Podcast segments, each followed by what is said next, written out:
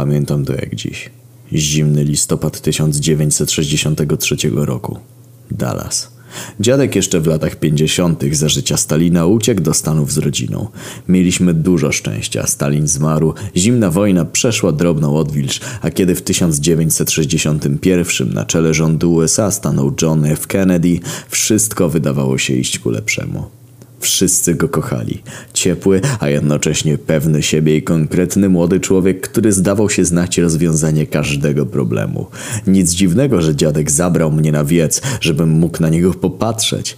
Prezydencka limuzyna mknęła ulicą, a Kennedy machał do wszystkich gapiów, którzy przyszli go zobaczyć. Ludzie stali po obu stronach drogi, śmiejąc się, odmachując, nawet bijąc brawo. Niektórzy otwarcie płakali.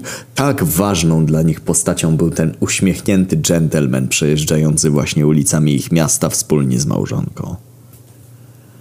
Wtem ciszę przerwał dźwięk puzonu. Takie przyciągłe... Zamarłem. Usłyszałem krzyki. Tłum ludzi przepychał się jak najszybciej, próbując oddalić od głównej drogi. Piskopon, zobaczyłem jak prezydentka limuzyna nabiera prędkości.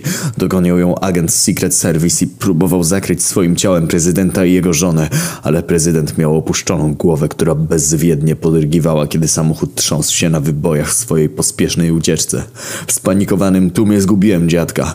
Odbijałem się od uciekających ludzi, starając zachować równowagę, aż zostałem wepchnięty na wysokiego blondyna z kucykiem, który właśnie chował puzon do futerału. Strach mnie sparaliżował, ale postać przede mną nie zwróciła najmniejszej uwagi na przyglądającego się jej dzieciaka. Pewnie wiedziała, że i tak nikt mi nie uwierzy. Zamiast tego była wyraźnie skupiona na szukaniu kogoś w tłumie. Tak, nagle z motłochu wyronił się drugi, dokładnie taki sam blondyn z kucykiem i futerałem w ręce. Z uśmiechem zaczął zbliżać się do swojego lustrzanego odbicia. Ten wyszedł mu naprzód. Wtedy z tłumu zaczęły się przebijać okrzyki Freeze! FBI! I wszędzie pojawili się faceci w czapeczkach z daszkiem i okularach celujący z pistoletów do dwóch identycznych postaci, które nie, mówiąc to amerykańsku, gave zero fucks about it, tylko zbliżały się do siebie z coraz szerszym uśmiechem, śpiewając na cały głos! Crazy!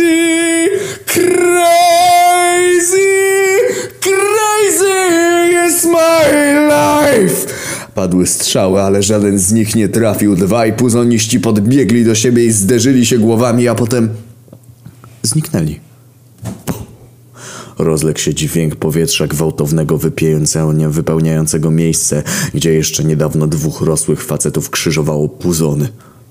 FBI mnie zgarnęło i pierwsze pięć lat na zmianę kazało mówić co widziałem, jednocześnie wmawiając mi, że nic takiego się nie wydarzyło.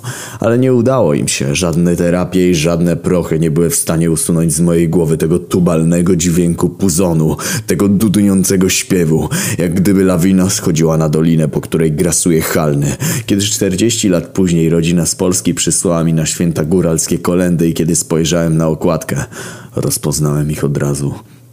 Wiem, kto zabił prezydenta Kennedy'ego, ale wiem też, że prawda nie wyjdzie na jaw, umrze razem ze mną. Za oknem rozległ się głuchy dźwięk pusonu. Przyszli po mnie. Wiem to. Bracia pierdolec, jak ja ich kurwa nienawidzę!